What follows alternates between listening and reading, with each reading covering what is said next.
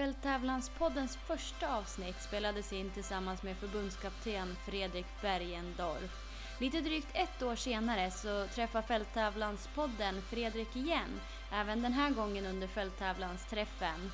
Fredrik summerar 2017, vad minns han bäst, hur tänker han framöver och hur har samarbetet med ryttarna fungerat? Häng med!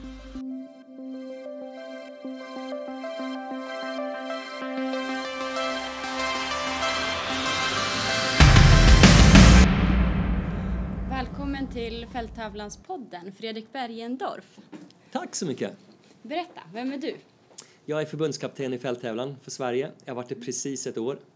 Helt otroligt år. Hur, hur mår du? Ja, jag mår jättebra. Vi har fantastiskt två, tre dagar här i, i Linköping med fälttävlansryttare från hela Sverige.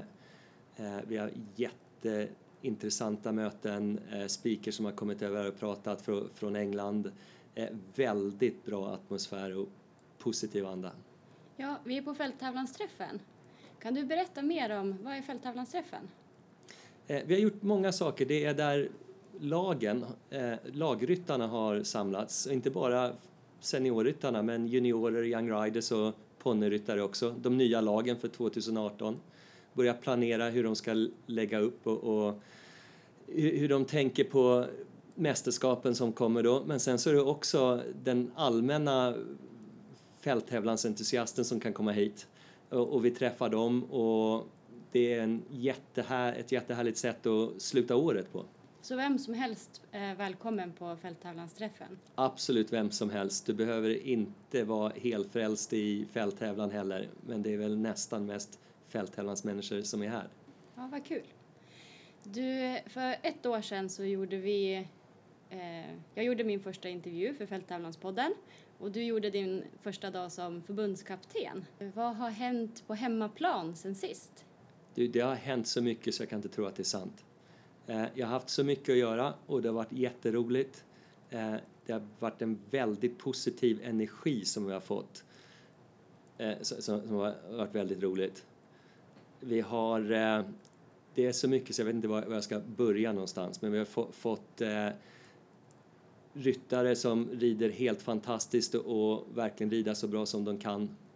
Det är jättemycket kvar att göra. Hur ser det ut hemma hos dig i England då? Har det blivit några förändringar?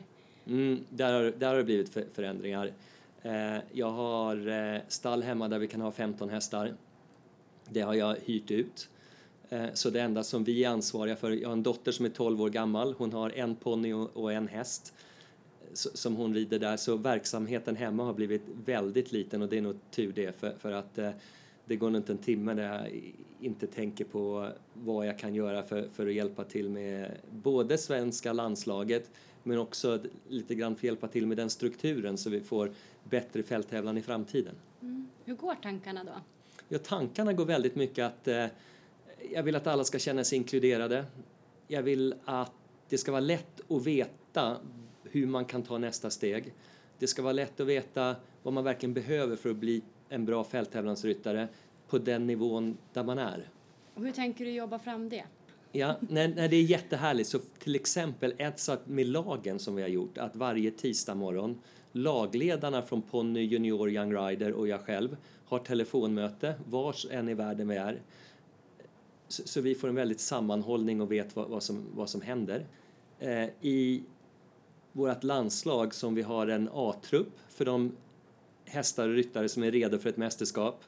En B-trupp för de ryttare som ligger på trestjärnig nivå men kanske fortfarande behöver lite mera hjälp. Men sen så har vi också precis för att öppna dörrar och få kontakt en C-trupp för ryttare som ligger på en tvåstjärnig nivå.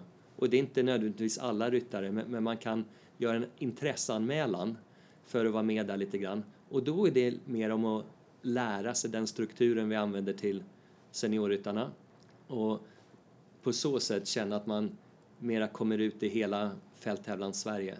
Kan du berätta mer om den strukturen? Ja, Okej, okay, jag, kan, jag kan fortsätta. Jag, jag, kan berätta så fort när jag börjar. Jag kan hålla på hur länge som helst. Men sen så har vi också, jag har pratat med eh, tränare, fälttävlanstränare här i, igår och se om hur vi kan arbeta mera tillsammans Både så man får upp kvaliteten men också så att de förstår hur viktiga de är för, även för, för landslagsryttarna.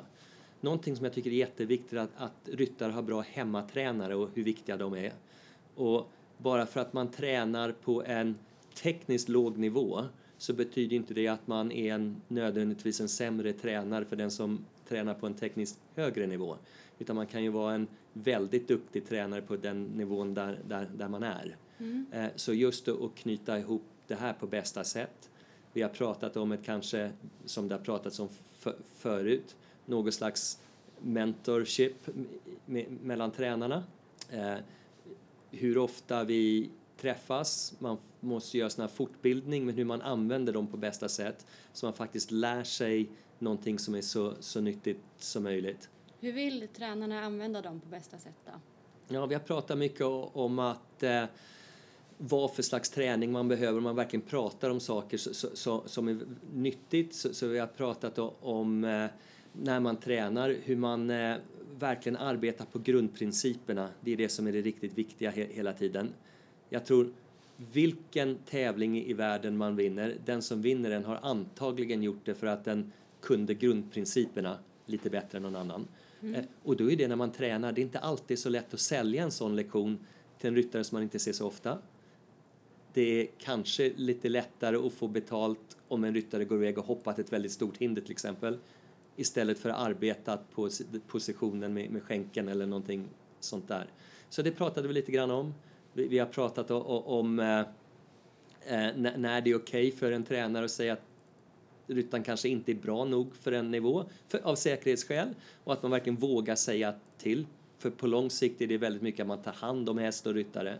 Mm. Eh, och det, där kan ju en tränare kännas lite ensam ibland. Så sådana saker pratar vi väldigt mycket om och, och hur, hur, man tar den biten framåt. Hur skulle ett sådant här mentorskap kunna se ut? Eh, jag, jag, vet inte riktigt. Eh, mm. Vi har pratat om, om man på något sätt kan använda vi har ju tränare som är utbildade i Sverige som C, B och A-tränare. Om man är en C-tränare, om man på något sätt kan vara knuten till en B-tränare och en B-tränare till en A-tränare. Om det skulle fungera på, på det viset. Eh, så vi bara hade en väldigt bra öppen konversation om, om idéer. För att jag kan förstå att det kan vara en tränare som är väldigt duktig och vill göra ett bra jobb. Men om man inte tränar på en internationell nivå och man kanske bor lite längre norrut i Sverige. Det kanske inte är så lätt att få ny information och, och på, på, på, samma sätt som någon som är ute i Europa och ser bra ryttare och bra tränare hela tiden. Så just det där kanske med mentorskap och att man verkligen använder fortbildningarna på så bra sätt som möjligt. Att när informationen ja, kommer dit där den ska vara. Vi, vi, har ju alla börjat rida någon gång. Mm. Eh, och framtidens eh, stjärnor ska snart också börja rida, att de verkligen får den träningen som de behöver. Hur jobbar ni vidare med det här sen? Blir det till nästa tränarträff? Ja, det, det blir det. Eh, så vi ska se om vi kan träffas någon gång här i vår. Definitivt sen eh, ska vi ha ett möte vid eh, Strömsholmstävlingarna Eh, och ska vi se om vi kan hitta ett datum innan dess också. Det låter jättespännande. Mm.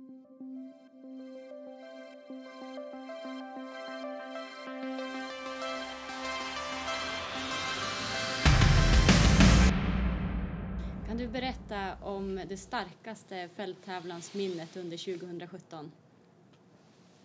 Oh, det var svårt. Jag har jättemånga minnen. Eh, det är klart att man, när man börjar tänka på vilket, vilket minne så dras ju tankarna mot, mot Europamästerskapen.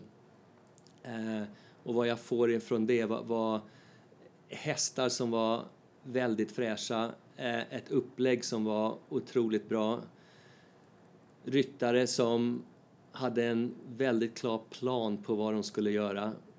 Och eh, jag tror just det där att på söndag morgon efter vi hade gått terräng ha sex jättefina hela glada hästar igenom eh, när vi sprang upp dem för veterinären och, och det var enda laget som, som hade det. det. Det är nog ett ganska starkt minne.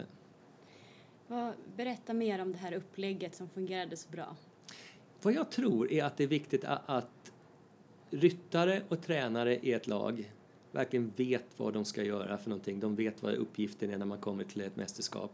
Eh, och man vet också hur de personerna som man arbetar med vet vad de vill för någonting. Så en sak som vi gjorde var att vi var inte vi tog inte bara reda på vad, hur ryttarna ville ha sitt upplägg men också att ryttarna emellan var väldigt säkra på vad de andra ryttarna behövde i laget. Och det är lite sådana saker om eh, Tycker man om att gå terrängbanan tillsammans med alla eller tycker man om att mer gå den en och en? När man värmer upp för, för dressyren, eh, känns det tryggt att ha alla lagmedlemmarna runt och stå, stå och titta på som ett stöd? Eller vill man hålla sig lite grann för sig själv? Bara som exempel på eh, de små individuella sakerna som är lite olika från person till person. Så det var väldigt viktigt. Just, men sen också med, med hästskötare, igen, vi har fantastiska hästskötare som precis visste vad de skulle göra för någonting. Vi har en väldigt duktig veterinär som är väldigt organiserad och vi hade mycket tanke på det innan vi åkte. Mm. Eh, så vad jag fick från det att det var ett väldigt lugn när vi kom till tävlingen. Så jag tror fick ryttarna, de fick ro att göra vad de behövde göra. Så extremt tydlig kommunikation och planering i förväg då? Ja, pre precis. Och, och, och om man gör det en bit där man försöker vara ganska precis innan eh, så, man nästan drar det li, li, lite för mycket för då kan man åka till ett mästerskap och slappna av lite grann. Mm. Det, är inte konstigt att, eh, vi som ryttare, tränare försöker göra lite extra på just när man kommer till tävlingen för det känns så viktigt och speciellt. Och då, så som jag tänker som tränare, om man då sätter extra tryck på dem runt om en så gör man det när det inte behövs. Så om man bara har organiserat sig själv innan tillräckligt mycket och slappna av lite grann när man kommer till tävlingen så brukar det vara lättare för ryttarna att rida så bra som de normalt kan. Hade ni pratat innan? Det vart ju ett skifte där precis innan i, ja. i deltagarlistan. Hade ni pratat om sådana förutsättningar och ändringar innan också? Ja, just så som vi gjorde det. För jag, vet inte om du, om du tänker på att eh, Anna Fräsgård var i laget till att börja med och sen kom eh, Niklas Lindbäck i, in, in i laget. Eh, så var det någonting som vi har pratat om och, också om det var ett bra sätt att göra det på eller, eller inte.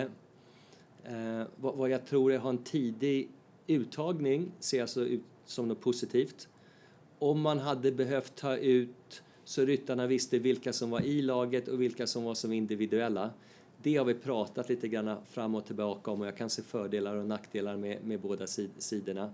Och, och hur man än vänder och vrider på det, det är aldrig så lätt för en ryttare som har varit i laget och sen inte kommer i laget men som fortfarande måste vara mentalt stark och positiv och sen så göra ett bra jobb. Det, det är ju alltid några timmar några dagar beroende på hur man är mentalt som det tar att ställa om lite grann. Och det är ingen konst att Anna gick igenom den situationen också. Tidigare så har det ju varit ganska stora drev i, i media och sådär. Media är ju väldigt viktigt för oss eh, så vi blir, blir sedda utåt. Eh, och i, i, ibland är median lite mera med oss än, än den inte är. Men, det är någonting som är väldigt viktigt att, att den finns där. Eh, jag, nej, jag, det blev inte så konstigt om, om, om den här, här, situationen, men egentligen var det inte så konstigt heller. Eh, det såg, när vi tog ut laget så såg det ganska klart ut så som det var. Sen så desto närmare Europamästerskapen vi kom så eh, Niklas hade gjort ett fantastiskt jobb med, med hans hästfokus så det också sen blev ganska klart att om vi ska maximera laget så är det bättre att göra det på, på andra hållet. Och, och, vi måste ju ta hand om hästar, vi måste ta hand om människor på rätt sätt och, och verkligen så bra vi kan. Men på samma gång också så mitt jobb är att få de bästa hästarna och ryttarna in, in i laget. Eh, så det var helt rätt att det blev som det blev.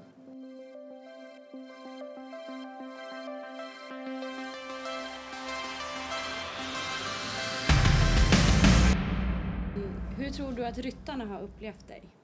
Ja, du, får, du får fråga ryttarna. Eh, om, om jag säger så här, jag, jag är en, eh, jag är en coach som eh, frågar väldigt mycket frågor. Jag är väldigt intresserad av hur ryttarna vill ha det. Ehm, sen så är jag väldigt säker på att saker och ting verkligen ska, ska hända. Men i och med att jag tog lite tid på mig att försöka för, både förstå svensk fälttävlan och, och lite grann förstå var ryttarna själva kom från, hur de såg det, så vet jag att, att, att ibland så är det också viktigt för, för mig att ryttarna vet att det finns en linje, det finns ett mål, mål som vi har. Eh, så jag hoppas att de känner att jag har försökt förstå dem och sen så gett dem stö det stödet de behöver för att bli så bra som de kan. Vad kommer du göra mer utav under 2018? Det är ett jätteintressant år. Världsmästerskapen är Tryon i USA i mitten på september. Det kommer bli ett snäpp svårare än vad Europamästerskapen var.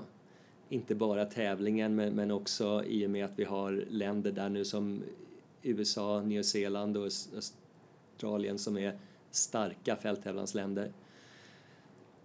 Eh, men det betyder inte att eh, vi fortfarande kan göra lika bra och förhoppningsvis lite bättre. Men, men då igen, upplägget måste ju bli väldigt starkt igen. Så väldigt lika som förra året, ändå mer trycker lite grann på kommunikationen vi har me mellan våra tränarlag i landslaget och ryttarnas he hemmatränare. Det tror jag man kan göra ändå bättre än vad vi gjorde förra året. Kan du berätta lite grann om dina tankar kring det team som du har satt samman och, och samarbetar med? Mm. Jag har ett jättestarkt tränarlag runt mig. Eh, vi har Victoria Karlebäck som har varit på väldigt många mästerskap som ryttare själv.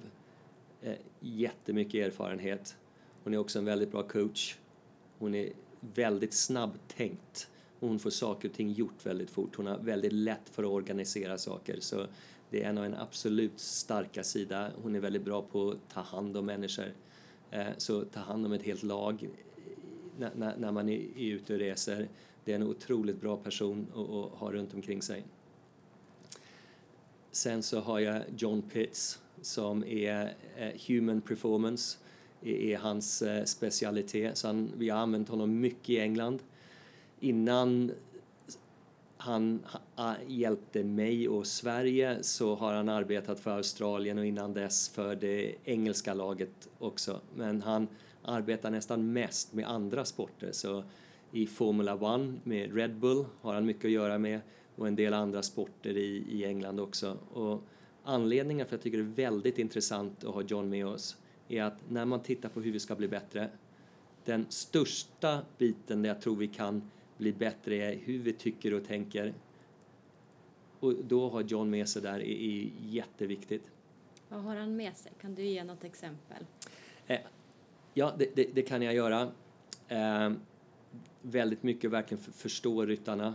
En del ryttare kan man trycka på lite hårdare. En, en, en del måste man fråga mera frågor till. Eh, om eh, vi tar mig som ett exempel, för han är likadant när han står och, och tittar och analyserar. Så var det en fråga på terrängdagen på Europamästerskapen om Louise Gärde skulle gå en, en lång väg eller, eller, eller snabba vägen. Um, jag hade tagit in den informationen jag behövde tagit ett beslut. Sen så när John förstod att jag hade tagit beslutet så tyckte att han att jag började ta för lång tid på mig och eh, förklara situationen till, till Louise. Så där var han och tryckte på mig. Mm. Alltså precis en, en, eh, helt klar situation där han förstår hur jag tycker och tänker och, och får mig att bli bättre. Och det är just det här, det är inte bara för ryttarna, men det är bara he, hela laget runt omkring oss. Att vi är öppna på att bli bättre imorgon än vad vi var idag. Spännande. Mm. Och mer då i teamet? Då har, vi, ja, då, då har vi de två, sen så har vi en dressyrtränare också. Mm. Då har vi precis börjat arbeta med eh, Elisabeth Lundholm. En tränare som eh, två anledningar för, för, för, att hon är med. Först från otrolig eh, kunskap om tekniken i dressyren. Men sen så tror jag också hon är, var väldigt öppen och arbetar på det sättet som jag och John ville, ville arbeta på. Eh, och det också gör med att man lite förstår vad olika ryttare behöver mentalt för, för att prestera så bra som, som de kan. Jag tyckte när hon var på Europamästerskapen med oss förra året, även då hon inte var med som huvudtränare, så tycker jag att hon hade en väldigt bra sätt så som hon gav ryttarna väldigt mycket självförtroende innan de gick in på banan. Hur gjorde hon då? Eh, jag tror bara så, så, så som hon är, den personligheten. Jag, jag tror det bara strålar kunskap om henne. När hon står, står på en framridningsbana ser det ut på ett väldigt trevligt sätt som hon verkligen äger banan. Mm. Uh, och, och, när man kommer som ett land och, och det är andra land också som naturligtvis vill in, vill in på banan. Jag tycker det är väldigt viktigt att andra lag faktiskt förstår hur bra vi också är.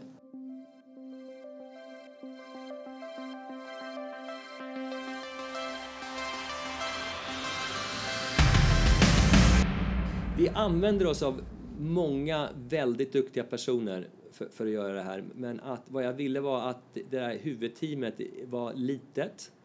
Eh, lite grann för, för, den ekonomin som vi har i Sverige. Men också vad, vad det betyder då att det blir väldigt smidigt, det är väldigt lätt att hålla kommunikationen mellan oss. Och det tycker jag är viktigt. Eh, så, så fort ett team börjar bli lite stort så börjar också kommunikationen blir lite långsam och det är inte så lätt att få den precis dit man vill. Eh, så vi, ja, Lisa Lidbeck har en veterinär, eh, som veterinär. Eh, hennes kunskap, inte bara som veterinär, men hon är väldigt bra på att organisera folk runt omkring henne och få saker och ting gjort som hon vill. Så, så det var otroligt st stor hjälp. Vi har Håkan Krantz som hästfysio, väldigt duktig både på vad han gör som hästfysio men faktiskt få, få ryttarna också och, och känna sig positiva för, för ryttarna vet att han, att han gör ett bra jobb. Och, och sen kan man fortsätta för det blir så, ja, med, med hästskötare och, och så, så, så, blir det ju väldigt många personer runt omkring ett lag som är otroligt viktiga.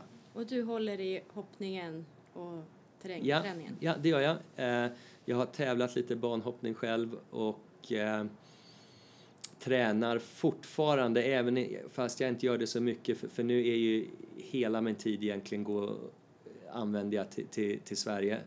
Eh, men jag har fortfarande är en mentor till fem stycken unga hoppryttare i, i England. Så eh, jag ser dem ibland och, och lite grann tänker på deras upplägg och hur de ska ta, ta, sig, ta sig framåt. Eh, så den lilla biten har jag kvar i England fortfarande. Och det tycker jag är intressant för jag, jag lär mig fortfarande från deras system och ser lite grann vad av det vi kan använda här, här, här i Sverige. Eh, så jag hjälper ryttarna med hoppningen, med terrängtänket men då tycker jag också så här att desto vi, det viktigaste är för mig att de tränar bra, de tränar bättre hemma med sina, sina hemmatränare. Så egentligen idealt skulle vara att deras high performance systems hemma hos sig själv medans mellan ryttarna och deras tränare fungerar fantastiskt och jag mer och mer håller kontakten med tränarna och inte med, eh, med ryttaren. Vad är ett high performance system? Okay. precis. High performance, bättre än, bättre än normalt. Eh, om vi tänker, ja, om, om du eh, om du tränar friidrott och är väldigt bra på det då kanske du eh, flyttar till och tränar på ett ställe där, där de har banor, där de har fysio, där de har tränare. Och så, eh, för, för oss ryttare så normalt så spenderar vi den mesta tiden hemma. Och då tycker jag det är väldigt mycket att man, om man vill bli en bra ryttare, att man tänker på sin, sitt stall hemma precis på samma sätt. Eh, är det verkligen så bra som det kan bli? Är det bra nog för vad ryttarna behöver? Och det är just de människorna de har runt omkring sig också. Eh, de personerna som de behöver i stallet, är de där för att de bara tycker om dem eller är de där för att de verkligen gör det bästa jobbet för att den ryttaren ska bli så bra som möjligt? Eh, de tränarna, de har samma sak. Är det rätt tränare för rätt person? Och, och sådana saker så man verkligen får hela det och, och bli så bra som det kan. Upplever du att ryttarna har fått en, eh, en boost i och med att ni har optimerat det här? Otrolig boost och sen ska jag säga att vi inte alls optimerat det. Jag tror det är en lång väg och gradvis få, få det bättre. Eh, och, och vara en eh, ryttare på toppnivå idag är helt fantastiskt men väldigt tufft. Eh, det är många bollar i luften på, sam, på samma gång. Eh, mång, många har familj, Eh, man ska försörja sig. En, en del kanske tränar lite, vid, vid, tränar andra ryttare vid sidan om och få hela det paketet att fungera på ett sätt och fortfarande kalla sportbiten som man gör träningen och verkligen ha den på en hög nivå. Det är absolut inte, inte lätt, men, men väldigt möjligt.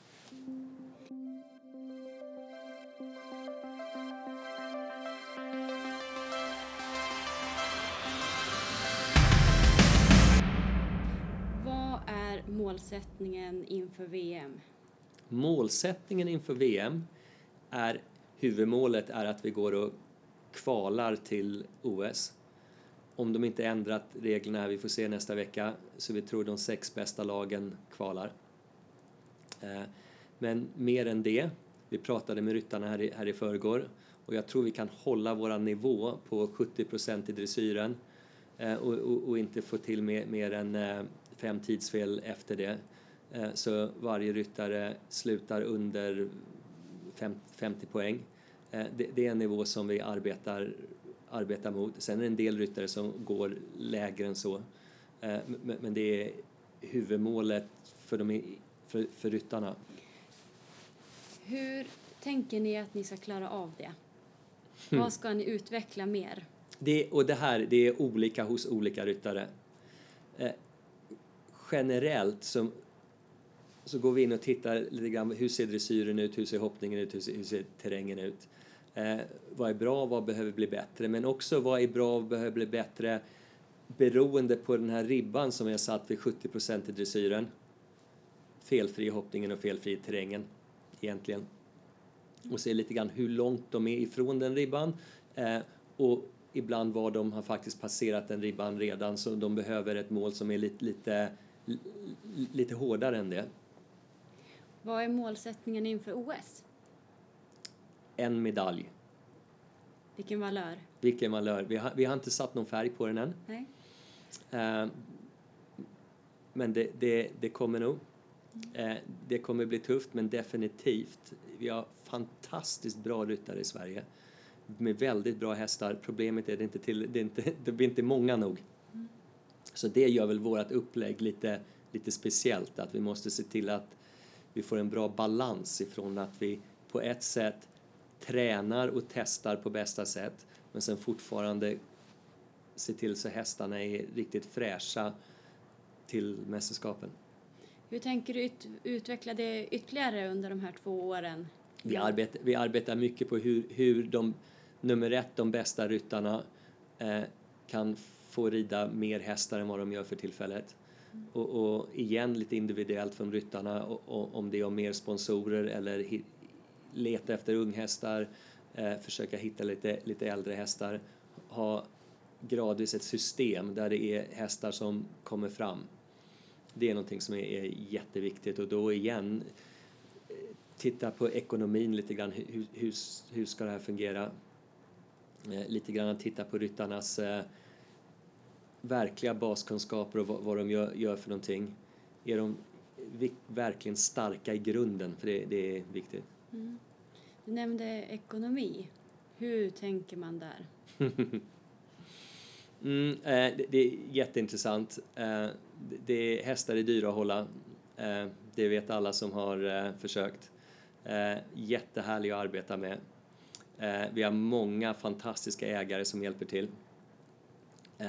Och då igen med ryttarna tänka till lite, lite granna eh, om, eh, om det kanske inte riktigt finns ägare till kan man gå in två ägare och, och hjälpa till att köpa en häst. Eh, kan man ha råd kanske med yngre hästar som blir bra på lång sikt istället för de lite dyrare. Kanske som en ryttare, kanske man sitter och rider mycket hästar hemma. Eh, men om man tänker på ekonomin så kanske man får väldigt lite betalt per häst när man har räknat ut hur mycket det kostar att hålla hästen. Så, så det kanske är bättre då att man håller sig till de hästarna som är lite bättre och inte rider så många av de andra hästarna.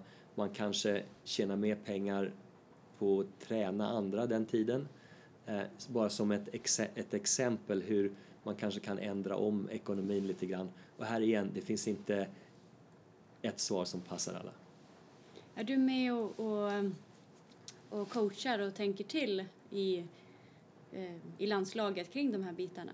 Ja, jag tycker de är väldigt viktiga. Mm. Och det är därför också när vi går tillbaks till, till eh, John Pitts, eh, hur han kan komma in och, och, och verkligen för, förstå hela, hela den biten eh, och, och, och, hjälpa till. För det är inte så lätt att ändra sig heller om man är van och får livet att fungera på ett sätt.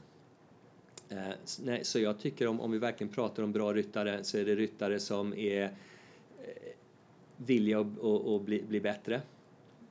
Många säger att de är det, men det är inte alltid så lätt att ändra sig som man tror. Eh, det, det tror jag är nummer ett. Men sen så har vi de där tre, tre verkligen eh, grundbitarna, inte bara med baskunskapen med ridningen, men har vi en ekonomi så vi kan ha råd att göra det här och har vi ett system och få fram unghästar så vi har bra hästar i framtiden. De bitarna är, är jätteviktiga just när vi kommer till om vi ska ha gradvis få mer ryttare i Sverige, gradvis komma till en punkt där vi inte bara är fantastiskt bra var tionde år, så, så, som vi har varit, men, men försöka hålla den nivån lite oftare.